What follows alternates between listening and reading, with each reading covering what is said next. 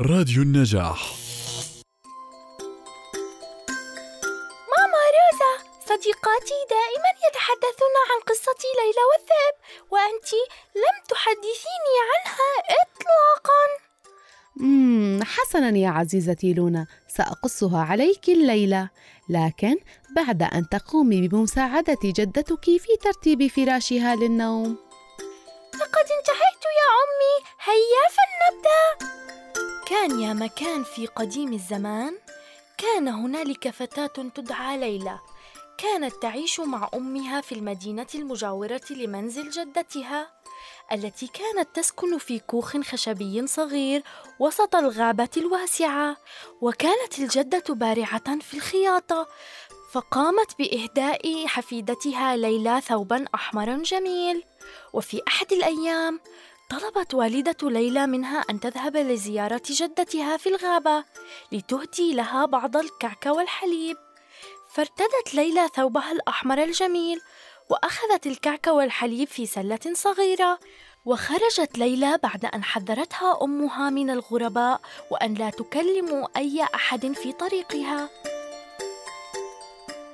سارت ليلى وهي تغني سعيدة حتى وصلت إلى الغابة وهناك سمع الذئب الشرير صوت غنائها وشم رائحة الكعك اللذيذ فاقترب من ليلى وقال لها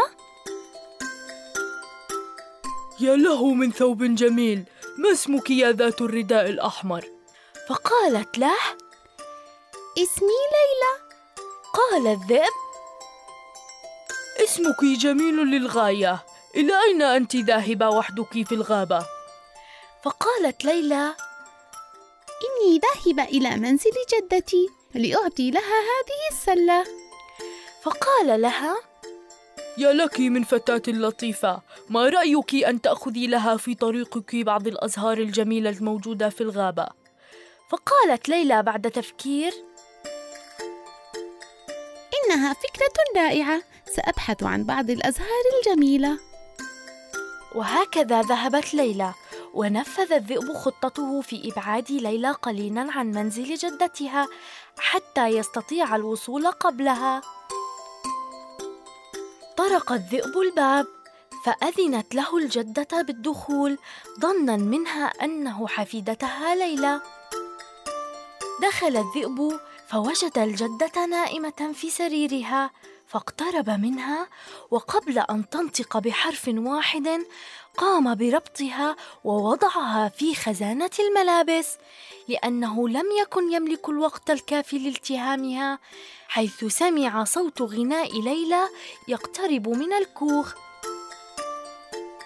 نام الذئب مكان الجدة بعد أن لبس ملابسها وأغلق الستائر والأضواء. حتى يوهم ليلى بأنه الجدة. دخلت ليلى الكوخ وألقت السلام على جدتها. السلام عليكم يا جدتي.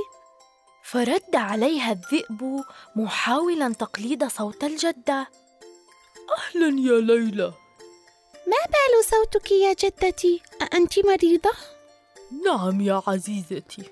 وأذنيك. ما بالهما كبيرتان؟ عينيك لما هما جاحظتان؟ حتى أسمع صوتك الجميل وأنظر إلى جمالك الرائع عندما ترتدين ثوبك الأحمر الجميل.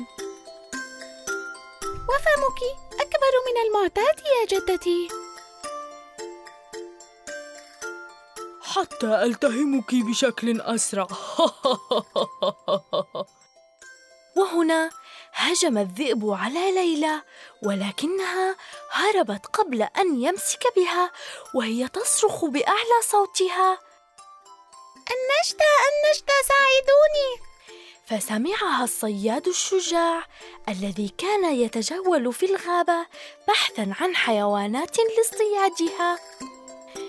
بعدها هرع الصياد إلى الكوخ وأطلق رصاصته على الذئب الشرير ثم أخرج الجدة من الخزانة التي شكرته كثيرا على إنقاذها هي وليلى.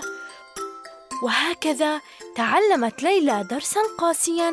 ألا تنسى ضرورة الاستماع إلى ما تطلبه أمها منها وأن تكون أكثر حذرا مع الغرباء في المرة القادمة.